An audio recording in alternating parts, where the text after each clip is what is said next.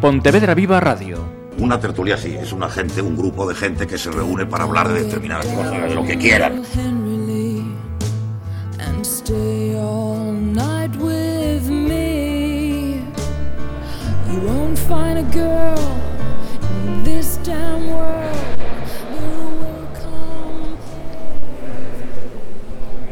Pues empezamos con dos mujeres, María Herreros y Georgia O'Keeffe. Menudo fuego, menuda potencia que tiene esta mujer. ¿No? Es la guapa y no es la idealizada. Entonces, eso es una cosa que María nos saca que normalmente no sale en absolutamente ningún tipo de, bueno, de, libro de historia del arte, pero que aquí está. Otro detalle, ya vamos a pasar a otro lado, porque si no, no quiero hacer un monográfico de George, ¿no? que a mí me interesa mucho, son determinadas eh, entre el universo de Georgia y su modo de entender el dibujo, ¿no? Y, eh, bueno, el, dibujo de un cómic, ¿no? Yo esto era una cosa que yo hablaba con, un historietista eh, que a mí me gusta mucho, que todos conoceréis, que es Paco Roca, con su última obra que es eh, Regreso al Edén. Eh, él decía que en esa, en esa obra, más que ninguna otra, por una de cuestiones, fue más consciente que, que nunca, ¿no? Que, que una historia, el cómic es una historia que narra algo con dibujos. Y él es la primera historia en que, como se basaba en las memorias de su madre y tenía una voz en off que le hacía de guía, le permitía que el dibujo volase, ¿no? Y, y- y- y había metáforas visuales dibujadas y había. Entonces, se dio cuenta, más que en ninguna otra obra, ¿no? que un cómic no consiste en, en dibujar, un cómic no consiste en dibujar bien en un estilo realista, o dibujar bien en, un estilo X, según el tipo de cómic que no. Que un cómic, para que esté bien hecho, consiste en dibujar exactamente aquello que exprese mejor lo que quieres contar.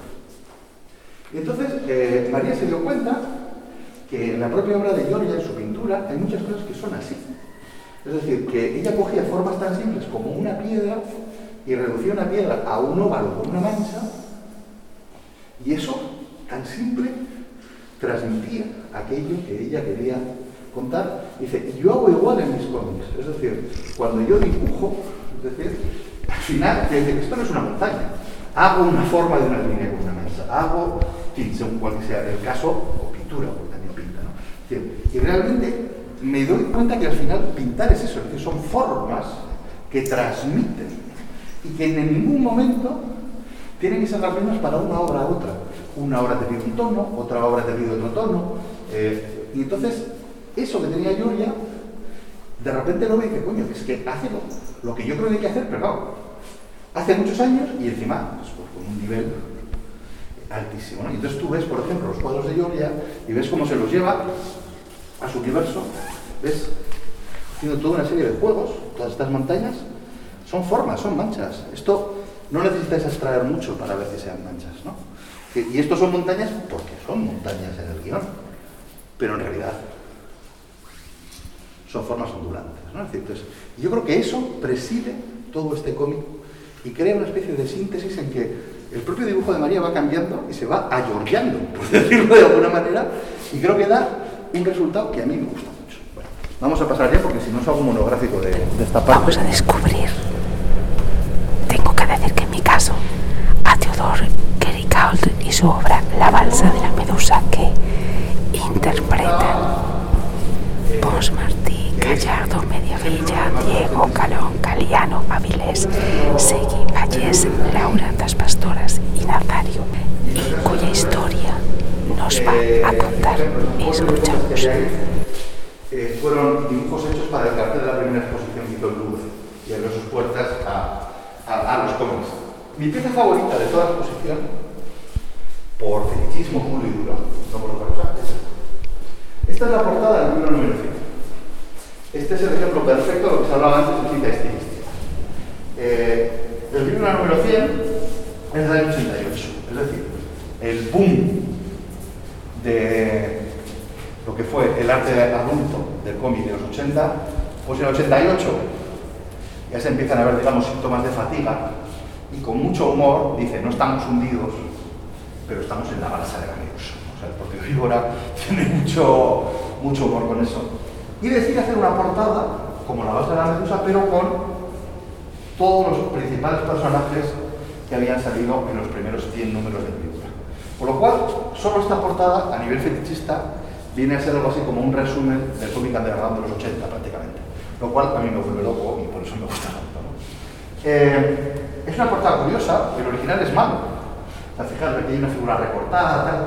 Todo esto la imprenta se lo come. Luego ves la portada del libro y queda genial.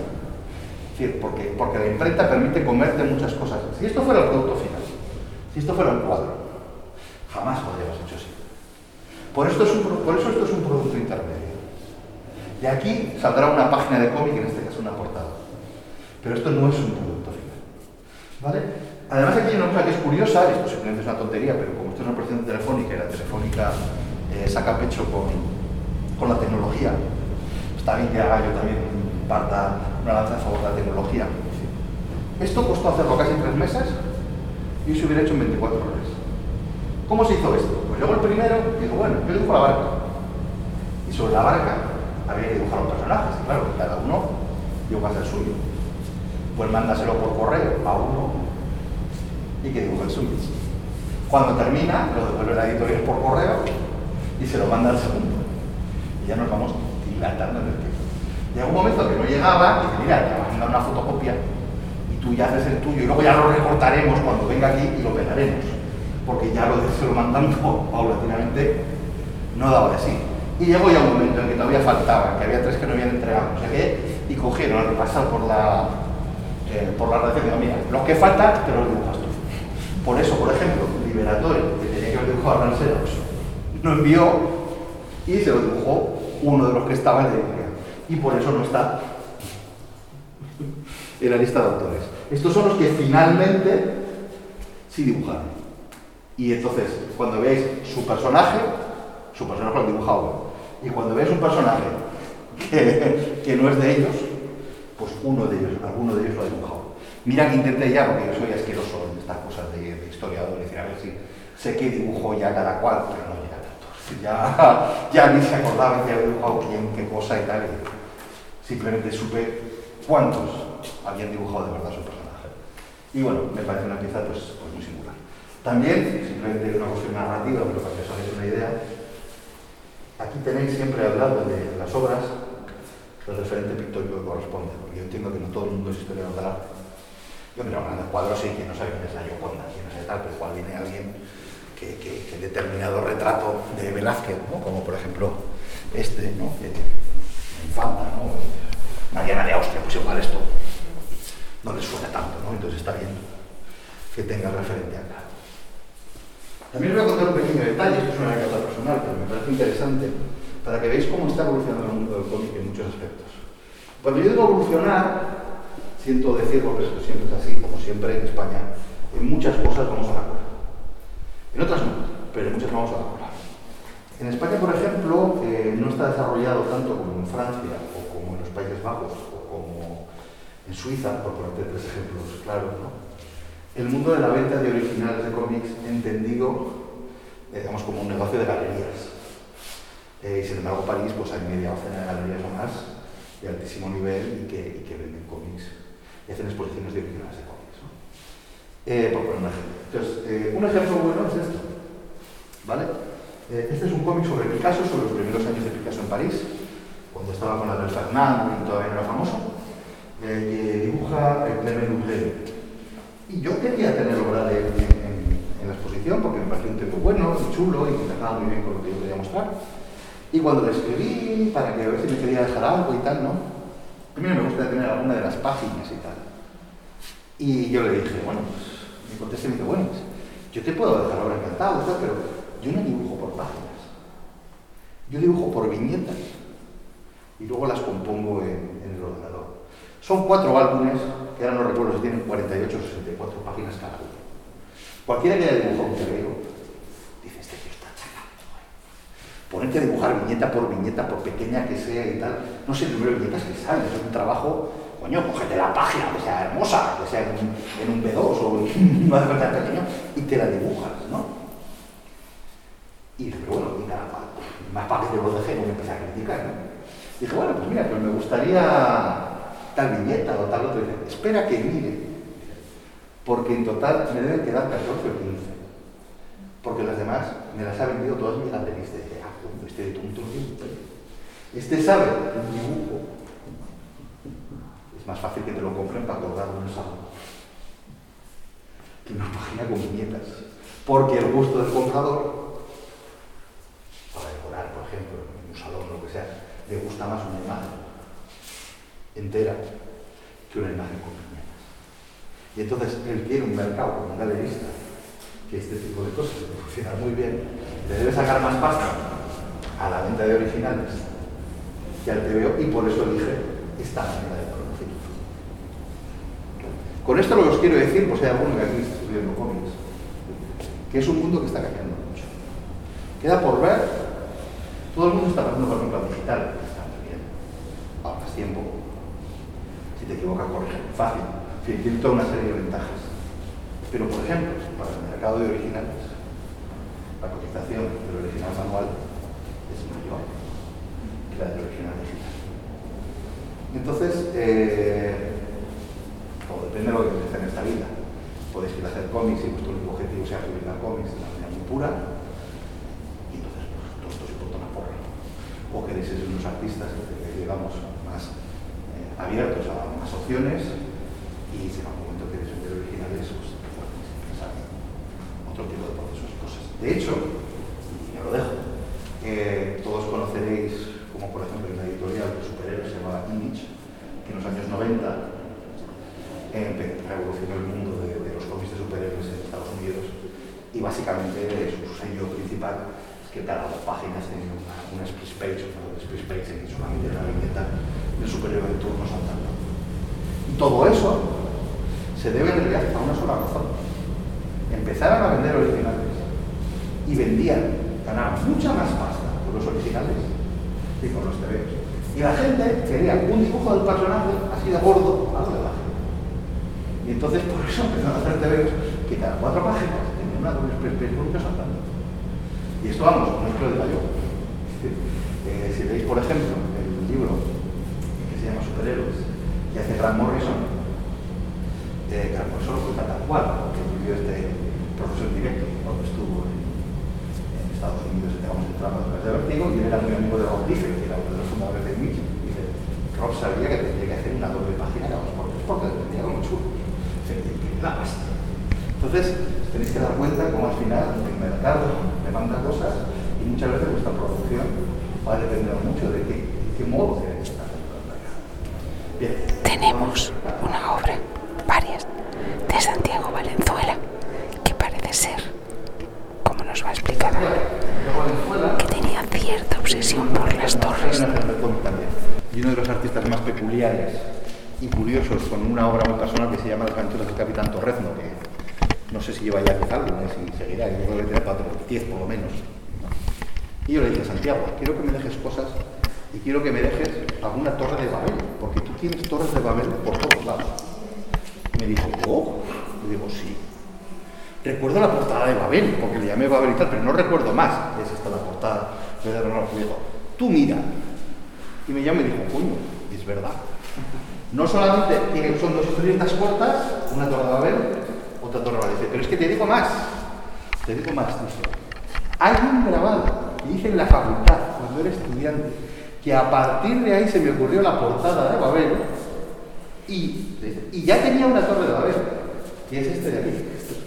De hecho, de aquí, ves, con estas casitas, estos personajes, saco eso. Dice, o sea, que desde que era estudiante ya tenía yo la Torre Babel metida en mi cabeza y dice, así mira que yo pues hasta que no me lo has dicho tú, no había caído yo en el guindo de que la Torre de Babel era una cosa que me aparecía constantemente en mi obra. Es decir, que efectivamente ha pasado una cosa que esto es historia del arte, es historia del arte en general. Es decir, la historia del arte siempre nos lo han contado muy bien. Nos lo ha contado siempre que la pintura explica la pintura, la arquitectura, la arquitectura, y Picasso pintaba así porque le gustaba Goya, y Goya pintaba así porque le gustaba Velázquez, y Velázquez pintaba así porque le gustaba quien ustedes quieran. Y no es verdad. Los artistas, todos los artistas, crean una obra y la inspiración puede venir. Si son pintores, puede venir de la pintura, o del cine, o de la literatura. o de los cómics, o, o del teatro, o yo qué sé, de un videojuego, de lo que se os pueda ocurrir. Es decir, al final el artista lo que hace es que vive en un mundo en que tiene un montón de impresiones, todo el arte influye a todo el arte. Entonces esas historias monolíticas que nos han contado en que la pintura explica la pintura, la arquitectura explica la arquitectura, son como estos mapas de carretera generales que te sirven muy bien para saber que esta es la principal, pero en cuanto das cuatro vueltas por la calle ya no venían en el mapa, ¿sabes? Faltaban calles. Pues es eso, es decir, son una guía, pero nunca una realidad. La realidad es más compleja. ¿no? Y a mí por eso esta exposición me sirvió para eso. Otra cosa interesante, y está aquí, ¿Y qué pinta IKEA en una exposición de arte y cómic? Bueno, pues lo explica a través de las interpretaciones que hacen Javier Olivares, Santiago García y Mamed Moreu. Eh, otra característica que a mí me parece fundamental de los cómics, y es que el cómic es quizás uno de los artes que hacen, por decirlo de una manera sencilla, que hacen fácil lo difícil. os voy a poner un ejemplo que todos conocéis. Todos habéis ido alguna vez a Ikea, ¿verdad? Y que más que menos alguna vez habéis cogido un mueble de estos de Ikea que se montan por piezas. Cuando vosotros abrís el mueble, hay unas instrucciones que son un TV. Es un señor, así dibujadito, en viñetas, que te dice esta pieza va aquí, esta encaja aquí, esto se aplica con la llave Allen. No te lo han dicho escrito, no te han mandado un código QR para que veas un vídeo de cómo se monta. Han hecho un TV. Y te lo han metido como instrucciones porque hacen fácil lo difícil. Consideran que es el mejor modo de contarte lo que te quieren contar, que es cómo se monta ese mueble. Pues aquí hay dos ejemplos perfectos para un historiador del arte de visiones distintas que hacen fácil lo difícil. El primer ejemplo es este. Este es un cuadro de Torres García. Torres García es un pintor vanguardista, eh, muy influenciado por el arte maya, por el arte azteca, y por todo el arte precolombino, ¿no? Y él eh, eh, tiene unos orígenes cubistas, entonces es un pesado de, de la vanguardia de, de, la proporción, las medidas, el tal, el arte tiene que ser puro, tiene que tener formas geométricas por aquí, por allá, etc. Y escribe libros razonablemente sesudos sobre la esencia de cómo se debe pintar, entendiéndose cómo se debe pintar en la época de los manifiestos de la vanguardia, como lo veía él. ¿no? Esto lo sabemos los historiadores eh, del arte pues, porque nos queda más remedio que nuestra carrera, pero en sí pues, es un tema, bueno, complejo. Pues llega Javier Olivares Santiago García se hace una versión del cuadro tal cual en viñetas y le ponen una serie de globos donde está la esencia, claro, Santiago García es historiador del arte también, la esencia sacada de los libros de Torres de García respecto a cómo tiene que pintarse y cómo tiene que dibujarse. Pues tenés una página y has entendido Torres García. Así está. Otro ejemplo que me gusta casi todavía más es este que hizo Comer. Eh, tenía que hacer este cuadro de Benjamin Shah. Todos habéis leído alguna vez la tercera del perfect de, de Ibáñez, ¿no? La casa está por dentro, que, vive en el el ladrón que entra en un segundo, estas cosas. Pues ella, él hace la tercera del perfect del cubismo en París en el año 17. Entonces tú lo vas leyendo, ves a María Blanchard, aquí está con Rivera, aquí está Metzinger, lo que pasaba en aquella época, agarra un papel para hacer el collage, sale, va, tal, no sé qué. Es aquí está Angelina con, la, con el hijo que tiene con Diego Rivera, ta, ta, ta, ta, ta. Hace todo lo que tiene que hacer, etcétera, etcétera, etcétera, y algo que tal, cuando acaba la historia, el cuadro que está están entrando por la puerta Pablo Picasso y. Abajo tres líneas para explicar por un poquito más lo que no le he dado tiempo a contar en la, en la historia y tienes un retrato del cubismo en París año 17 en una página de 13 por el tercero. Didácticamente es una bomba.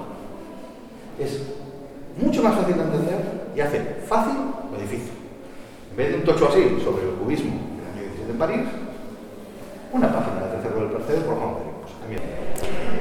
Enrique Ventura y Tony Coromina os pueden sonar por sus trabajos en la vanguardia. Aquí nos acercan cuatro de sus trabajos sobre obras de Vermeer, Miguel Ángel y Francisco de Goya. Esta idea, ¿no? De eh, cómo se recurre a las grandes obras, incluso cómo les dan la vuelta y hacen cosas creativas, ¿no? Enrique Ventura y, y Tony Corominas fueron muchos años los humoristas gráficos de la vanguardia. Entonces aquí, por ejemplo, esta es la guerra de Irak, cuando George Bush decidió que iba a salvar al mundo, ¿no? Y, eh, que se metía en Irak, ¿no? Y entonces veis aquí la imagen del astrónomo, ¿vale? Que es un cuadro muy famoso, de Vermeer, y dice Bush, gracias a mí el mundo es más seguro. Ya cuando uno confunde un planisferio con, con la bola terráquea, ya empezamos a ver que, que Bush muy bien nos enteraba, ¿no? Y si ya vemos ¡boom! por la ventana, pues creo que está bastante claro esa idea, ¿no? De cómo han ido más allá del icono y lo han utilizado, lo han reconstruido, le han dado una nueva vida, ¿no? Para hacer humor y contar algo. Bueno, aquí tenemos el caso de Israel bombardeando Palestina, y bueno, aquí es el coloso de Goya, ¿no? O sea, machacando pues toda la zona de Gaza. Que eso sí que, por ejemplo, es ese recurso de, de. O, aquí es un poco el mismo caso, Saturno devorando a sus hijos, pues, pues igual. Esto es en clave política, el supuesto eh, salvador, eh, flotador para salvarle, que, le daba Rubalcaba a Borrell, que luego pues no debió ser así, que todo esto ya va a cabo en la clave política de, de cada momento. ¿no? Momento Rembrandt, de la mano de Jacobo Fernández de Serrano. Un auténtico maestro. Y, es un cómic porque él decide eh, él, trabaja mucho, igual conocéis un cómic infantil que hace él que se llama Marco Pola, que, se edita en gallego y que, bueno, me parece un cómic interesante para niños. Y aquí, pues un poco en esa línea un poco casi infantilizante de, de ese grafismo que tiene tan limpio, tan bonito, tan redondito, hace un gato Rembrandt, que es transformar las obras de Rembrandt en gato, en versión gatuna. Y lo bueno del asunto es que son todos los retratos, una parte importante de los retratos de Rembrandt. Entonces, si tú ves cómo van evolucionando los retratos, estás narrando en el tiempo.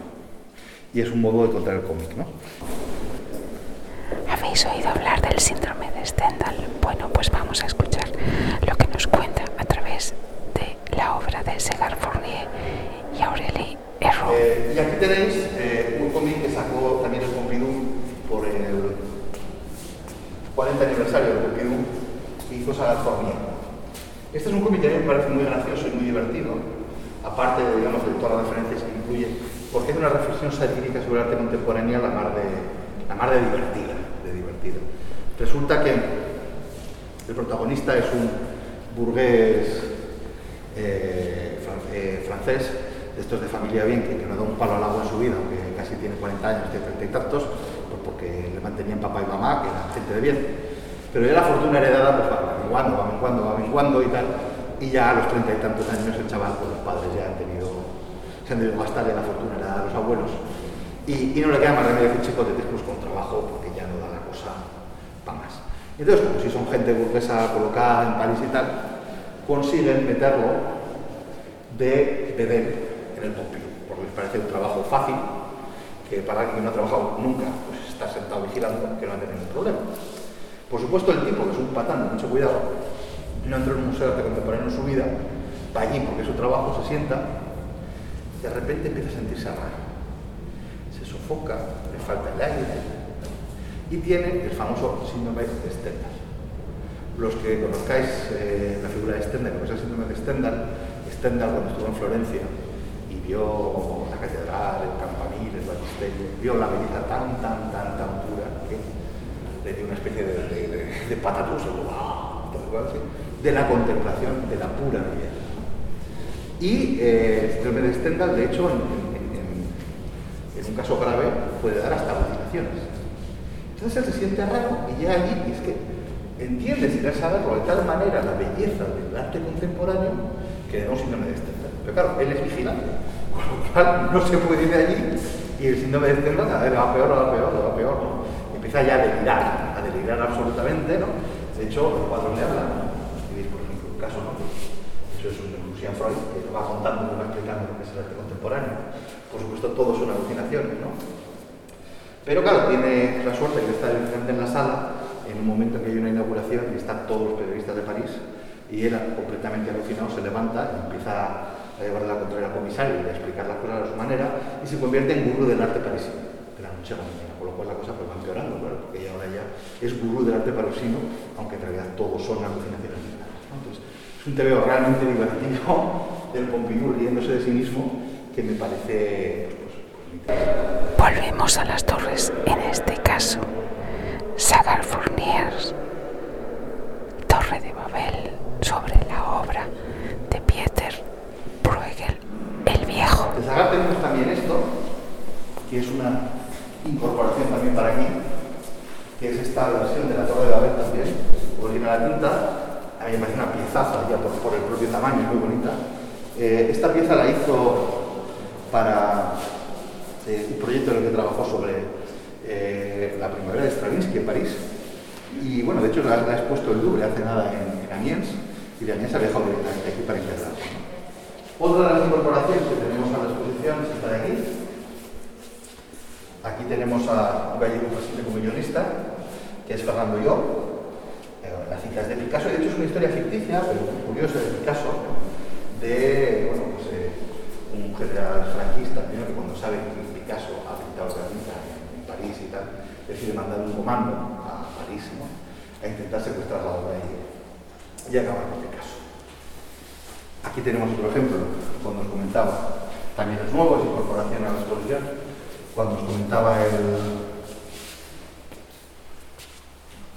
esa idea ¿no? de, dar una lectura contemporánea a, a las piezas clásicas, es decir, cuando uno cree que tiene una pesadilla, algo, pues esto no puede ser verdad, esto es una pesadilla, pues el sueño de la razón por los monstruos de Goya es el ejemplo por excelencia. ¿no? Esta imagen que salió el jueves cuando, de Juanjo Cuerda, cuando gana las elecciones Trump, el sueño americano de monstruos, pues no necesita mayor explicación.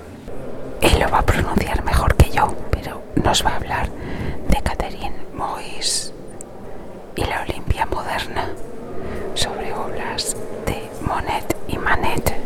Por último, de todas las cosas que hay, pues, quiero detenerme en TVO de Catherine Ulis, que a mí me gusta mucho. Este es el primer TVO que produce el Museo d'Orsay para mostrar su colección. La protagonista se llama Moderna Olimpia y, como habéis deducido, si conoce un poco de arte, la protagonista es la Olimpia de Manet. La Olimpia de Manet quiere ser una star del cine mudo, pero lo tiene muy difícil porque de momento solamente llega a la troupe, a ser bailarina de, de coro y cosas así, porque tiene una dura competencia con, con, las bailarinas clásicas de Degas y con las de Cancan de Toulouse-Lautrec. Y cada vez que consigue una pequeña escena, aparece eh, rodando el mismo con un cuadro de, del póker. Entonces es una manera absolutamente, para mí, genial que tiene Catherine de mostrarte las obras del Museo d'Orsay como si fuese un gran, estilo, un gran estudio de cine de, de, de la época mudo. ¿no? De hecho sale Rodolfo Valentino, sale, sale muchos personajes de, del cine mudo.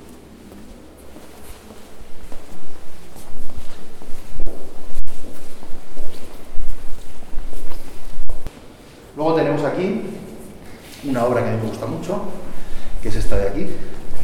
Esto es una obra que han hecho los dos autores que tenemos aquí, que son eh, Alfonso y Oscar Raña, y tuvieron la amabilidad de, A mí me gusta mucho cómo trabajan ellos y, lo que ellos hacen, ¿no? Y a mí me gustaría que, que tuvierais algo, ¿no? Y ellos se ofrecieron no a coger algo de lo que tuvieran, sino hacer una obra eh, ad hoc para la exposición. ¿no? Ellos se basan en, en un pintor eh, muy interesante que es Peter Halley, que especialmente una serie que tiene de las cárceles, que como veis es muy geométrica y con, con, con rejas y con, digamos, unas formas geométricas muy simples. ¿no? Y desde ese punto de partida, formalmente, porque ellos trabajan eh, mucho, digamos, con, con, las formas abstractas de la composición, pues, fueron avanzando, fueron avanzando, hicieron esta pieza, que además es una pieza que en el espacio dialoga una con otra. Ellos me dieron las instrucciones en que querían que digamos, se montase así, en el grado de 90 grados. Vemos que hay cosas que sí que efectivamente todavía tienen la, eh, digamos, la, referencia más clara y otras, bueno, que ya se las han llevado hacia, hacia otros caminos. ¿no? Tanto esta obra que está aquí, que además la puse con, conscientemente aquí, como todo lo que vamos a ver de Bryce allá, eh, son piezas que avanzan hacia la abstracción de una manera pues, clara, clarísima. ¿no? Y también dentro del mundo del cómic hay un, bueno, hay muchos caminos y uno de los muchos caminos que hay, ¿no? Son los cómics expandidos, es decir, ese cómic que utiliza la narrativa del cómic, pero que no está pensado solo para ser publicado, sino para ser instalado, por ejemplo, en un espacio. Eh, hay trabajos de cómics abstracto, no yo solamente lo que pueden hacer ellos o lo que puede hacer Rice, o que estoy pensando por ejemplo en José Jaja, que también hace unos cómics abstractos muy majos, o en. ¿Cómo se llama? Por Dios. Que lo publica también Rubén. Roberto. ¿Eh?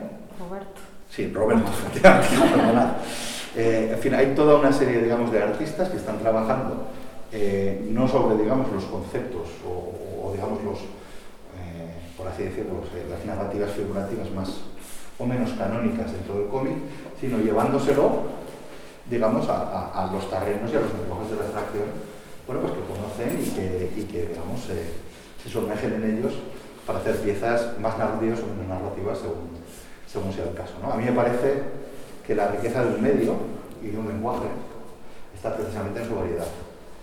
Y yo creo que puede haber un cómic, eh, vamos a decirlo así, canónico, extraordinario y estupendo y maravilloso, y un cómic que se vaya a las antípodas de lo que es canónico y es igual de estupendo y maravilloso. Yo siempre he estado muy en contra. El, mundo del TV es muy cainita. Eh, yo creo que la industria es muy pequeña y tiene que crecer. Y cuanto más pequeña es una industria, más cainita y más se pega. Esto es así en general. Entonces, eh, yo hay veces cuando veo gente que, que se mete en unas discusiones, porque esto es un cómic bien hecho y esto está mal hecho y esto está. Joder, ¿con qué? ¿Con qué facilidad se habla para decir casi siempre tonterías? Quiero decir, las cosas que están bien, que están reguladas o que están mal, dependerán mucho de lo que quieres hacer. De que quieras hacer un arte puro, de que quieras hacer un arte híbrido, de que quieres hacer un arte clásico, de que quieres hacer un arte vanguardista, de tantos y tantos y tantos factores, y sobre todo que si tú eres un creador, nunca, nunca, nunca, además esto, meterlos todos en la cabeza, de nadie. Mira, a mí mi, mi mejor profesor que yo tuve fue uno que me dijo, los ídolos de chocolate para poder comértelos. Y ese es el mejor consejo que os podrán dar nunca.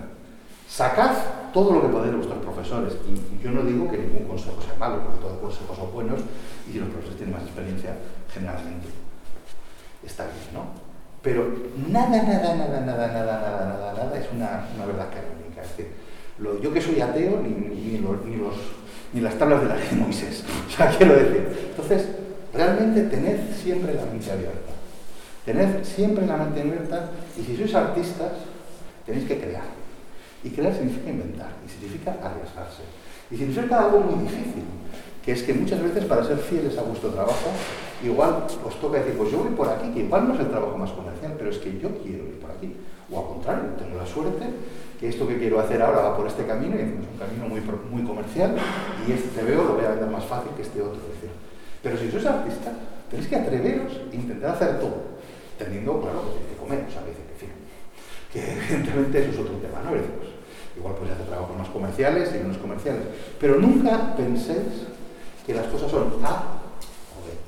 Mantener siempre una mente abierta. Porque además lo que hoy está bien como A, mañana pasa de moda y se pone de moda B. Y cuando sea B, pasa de moda y dentro de 5 años se pone de moda C. Y de repente cuando está de moda C, alguien se acuerda que hace 10 años había alguien que hacía J y se convierte en el gurú 15 años después. Es decir, el arte siempre ha sido así. Es decir, ha habido un montón de artistas que primero se comieron mierda y que de repente, 10 años después o 15 años después, lo reivindicaron como los grandes creadores de, y los grandes primeros.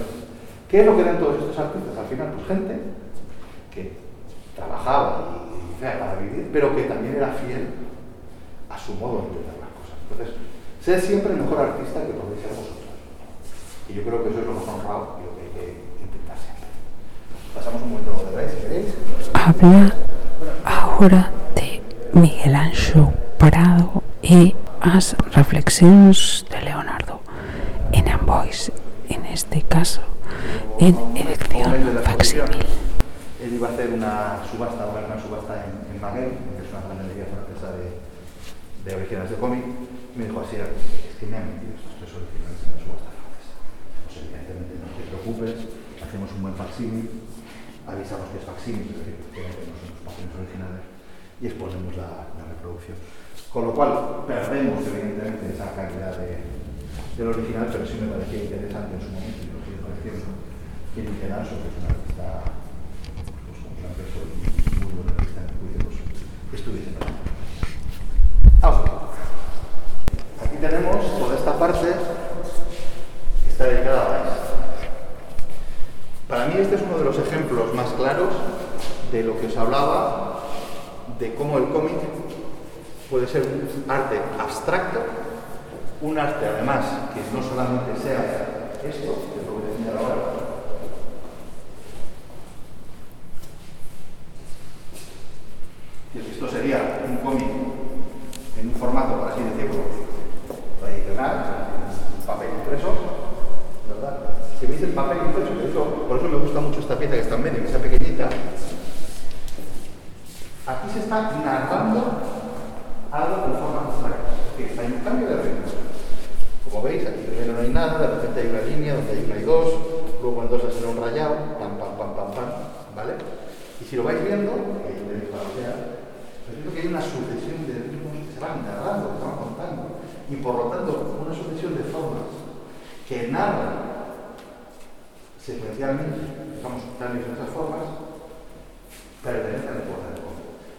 ese cómic puede ser expandido. ¿sí? Cuando hace esto, aquí son una serie de hojas donde podéis ver una sucesión de formas abstractas que evolucionando, pero que luego pues, está expandido porque está pensado para ponerse una pared, es decir, para, enseñarse expositivamente, ¿no? Entonces, pues lo podéis ver, es un poquito fácil de recorrer, ¿no?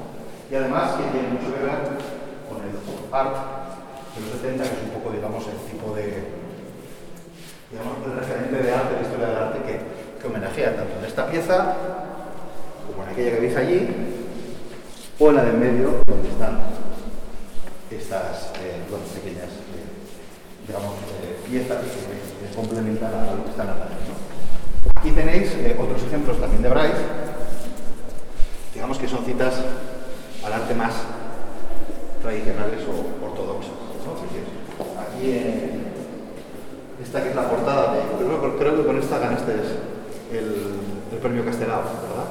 Eh, bueno, pues es una cita estilística al caminante, al el, de Freddy, ¿cómo se llama? El, paseante, ¿cómo es? El nombre me sale el nombre del cuadro. Cuadro romántico del 19, el tío mirando por la montaña para abajo de espaldas de Freddy, es que ahora no me sale el título. Lo tenemos en la no me acuerdo dónde está. Y yo diré el número exacto. El caminante. El caminante, es uno de los ejemplos. Bueno, pero a mí, por ejemplo, me gusta este porque es una cita tremendamente madrid.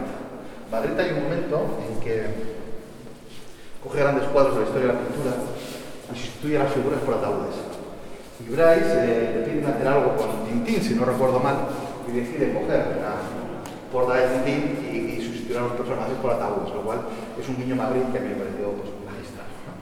Ay, bueno, se me ha olvidado, ya por dejarlo, pero además, aquí a la derecha tenemos tres portadas más de la, de la que no solamente es un gran historietista, sino para mí seguramente uno de los grandes genios de, esa parte tan específica, que son las portadas.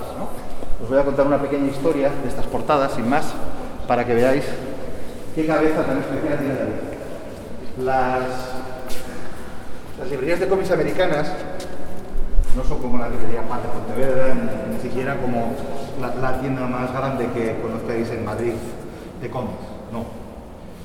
Hay librerías en Estados Unidos que son un edificio entero de cinco plantas, y, hay muchos miles, muchos miles de novedades al mes.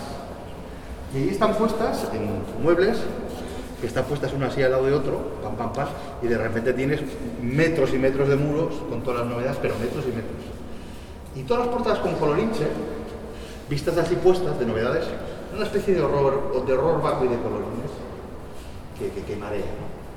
Y él dijo, si yo me salto todos los principios básicos del color en una portada de cómic y me voy al blanco puro, al negro puro y un segundo color, cuando eso llega y me lo ponen en una estantería así, de una librería, de todo el colorín, a la gente el ojo se le va a ir a mi portada blanca. Y funcionó. Y todo lo que en principio se saltaba todos los principios lógicos de cómo debe ser el color de una portada para llamar la atención, para un patatán, el tío tuvo la cabeza de no pensar en esto, sino de esto en el sitio donde se iba a vender. Y eso hizo clac y cambió el modo de hacer portadas en Estados Unidos. Y por eso tiene cuatro estrellas, entre otras cosas. y ya está, por caso. Pois eh, estamos a falar cun dos tres eh, artistas galegos que se encaden a esta exposición itinerante. Brais, eh, contanos que significa para ti estar nesta mostra Mm, eh, nada, eu xa levo uns anos colaborando con esta mostra, eh, xa Sier, que o comisario xa me foi xa, xa me fora chamando en ocasións anteriores, o que pasa que eh, neste, nesta ocasión en particular incluí unhas pezas que son máis grandes e, no, e cousas no, e bueno, en fin, un espacio bastante vamos, sí, considerable, vale. Entonces, eh, hombre, obviamente a min o que me basicamente me fai ilusión eh, o, básicamente poder eh, tamén mostrar estas, estas pezas que son realmente algunhas son de faianos, pero bueno, que están todas xuntas e bueno, e teñen esa relación tamén co tema da exposición que é o do cómic e a, o arte secuencial. Para aqueles que aínda non estiveran na, na exposición, eh, cheguen, como explicarlles eh, vi, visualmente a identificar esta parte túa? Ah, vale, mira, aquí é que hai bastantes cousas. Eh, teño desde páxinas de cómic, porque realmente o que máis eh, traballo son eso, a banda deseñada e demais, eh, e nada, e despois tamén o que son as pezas grandes, a min personalmente eu non as podo ver habitualmente, porque son unhas pezas que son enormes e están feitas por módulos, e, por exemplo, hai as pezas é a segunda vez que as vexo montadas, as teño en casa, pero as teño montadas, bueno, as teño guardadas, e unha é que mide mide aproximadamente 10 metros. Obviamente non a podo montar en casa. E a outra pois, son 4 metros por 4 metros tamén, é enorme. Co cual eh, ten ese sentido. E son pezas que eh, podelas ver en foto, pero que creo que tamén van a ganar unha vez que están que se ven diante. Teñen un componente tamén de arte óptico, e, bueno, a min o que me facía ilusión a hora de facelas e hora a hora de velas é ver tamén esa sensación óptica que te provocan a, in situ. Estamos a falar agora con Óscar e con Cintia que son o, os dous eh, artistas que tamén forman parte desta exposición. En este caso, máis, eh, de forma conxunta. Non sei se a primeira vez para vos xa fixereis eh, alguna colaboración. Eh, mm, xa fixéramos varias colaboracións, pero solamente no, bueno, no ámbito do cómic, non? Eh, facendo publicacións conxuntas, eh, fanzines, cómics e así. Logo tamén facemos animación Mais esta foi a primeira vez que nos puxemos aí coa pintura. Que, que significa para, para vos eh, eso, formar parte desta exposición que non é eh, unha exposición calquera, hai que decirlo? Ah, sí. Bueno, unha, unha oportunidade para colar así neste ámbito tamén pois obras que se saian un pouco un pouco das, das marxes así digamos do, do canon así máis tradicional eh, bueno, pues, quixemos de feito facer esta obra ex profeso que son dos pinturas pois nas que nos interesaba introducir elementos da lenguaxe do cómic e, e bueno, unha gran oportunidade grazas ao, ao comisario Asier Mensuro e moi contentos. Que, que por certo, eh, Brais eh, vende Coruña, vos, eh, vos sodes daqui da provincia de Pontevedra, os tres en común eh, ter estudiado na Facultade de, de Belas Artes, non? O final, estudiar Bellas Artes e eh, intentar interiorizar un pouco nas obras o lenguaxe secuencial do cómic, pois eh, axúdate a mirarlo de outra maneira, non é como facer unha especie de paseo polo tempo no cómic, senón que que te axuda pois iso a, a xerar ou utilizarlo como unha ferramenta eh, de composición, de, de formas e de cores, sobre mm. todo. Eh, supoño que tamén eso é indicativo do potencial que supón a facultade e os alumnos que saen da mesma. Sí, eu en, en concreto penso que a facultade, pois pues bueno, a de Pontevedra, non? Eh, excepcional, non? Así a nivel eh, estatal, de feito, porque das poucas así nas que se profundiza tanto na práctica contemporánea, non? Nas distintas eh, correntes así da, da arte contemporánea e tal. Entón está pois eh, o sea, verdadeiramente curioso, pois eh, a obra que, que provén de artistas que, que a súa vez eh, proveñen desta, desta formación, non? porque sempre, digamos que eh, se desvencella de, de, pues, de digamos, a, de, certa normativa, non? Eh, do, do, do canon así máis, o sea, bueno, xemónico, non? O máis eh, presente no, no panorama. Eh, bueno, é moi, moi, moi curioso. Bueno, pues vamos a preguntar entre las personas que han tenido ocasión de seguir esta visita guiada para saber qué les parece esta exposición. Pues genial, la verdad. Un placer. De lo, que, de lo que has visto, ¿qué es lo que más te ha llamado la atención, lo que quizá menos te esperabas ver?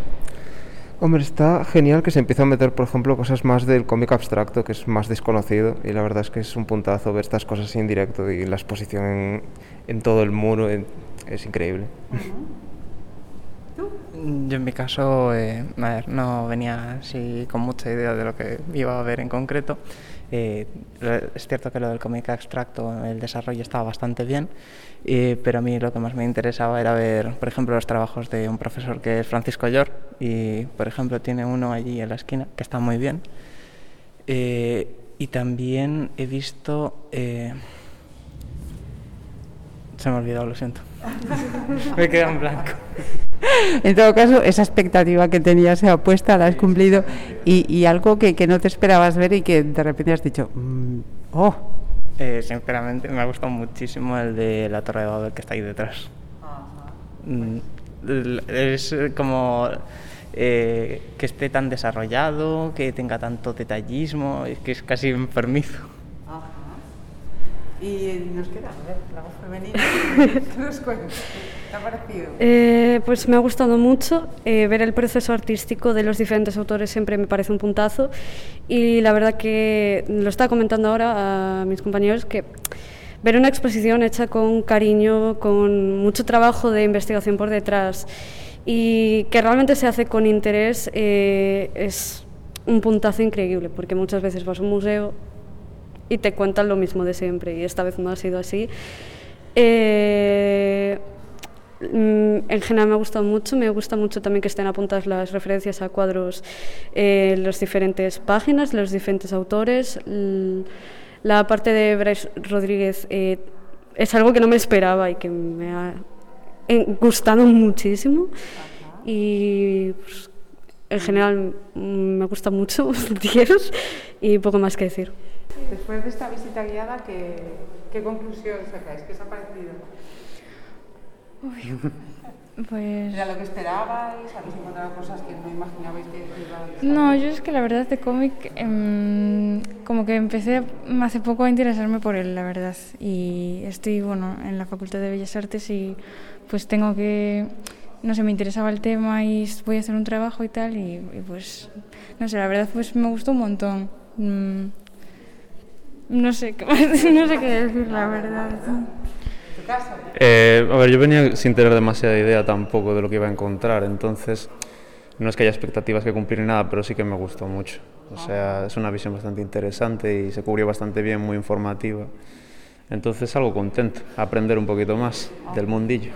¿Y de lo que habéis visto hay algo que de repente os haya dejado, ops, esto no me lo esperaba, no me imaginara que esta versión de esta pieza de arte, de repente verla, pues eso, en formato cómic? Yo creo que eh, mm, a mí al menos me gustó un montón ver los procesos de cómo se llega a la pieza final. O al menos yo no, sí, yo no lo había visto nunca y, y, pues no sé, se suelen aprender muchas cosas viendo más el, los, el proceso que el final. Ajá, mira, la noto. Muchas gracias. Nada. Hola, disculpe, ¿la puedo interrumpir un momentito? Sí, no soy una experta en esto, pero bueno, vine, vine a visitar el recinto. lo que es todo el recinto, está todo cerrado, solo había esta posibilidad. Llegué tarde a, a la aprovechar la visita guiada para informarme un poquito, pero nada, estoy aquí autónoma, pero Ajá. Este, esto de ver de repente grandes obras de arte a, sí. al estilo cómic. De hecho, me estaba informando un poco por internet, por las autoras, además está muy bien. No sé, está muy bien, pero. Se ha parado María Herreros y, y sus eh, sí. bosquejos de, sí, de George O'Keeffe. Sí, además son, por lo visto, como dice ahí en el, el museo de. En el Thyssen. Es la, el primer mu Ajá. museo, por lo visto, que que expone, tiene, tiene una, una, colección propia de esta autora. Ah. O sea, te parece interesante, pero que ya te digo, no puedo. Bueno, pues al final ha merecido la pena, ¿no? Digo que al final ha merecido la pena, ¿no? Encontrar con esto abierto. La verdad es que sí, uh -huh. pero esto, la verdad, yo creo que necesita un poco de tiempo, ¿no? Con calma, con calma. Tan, tarde así rápida. Muchas gracias.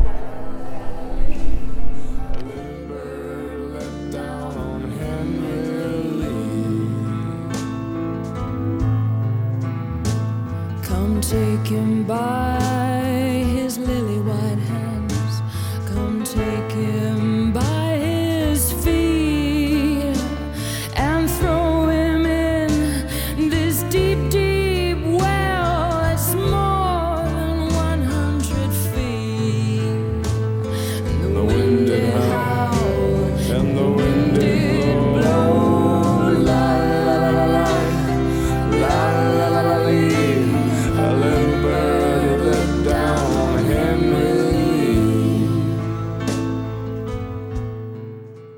Pontevedra Viva Radio.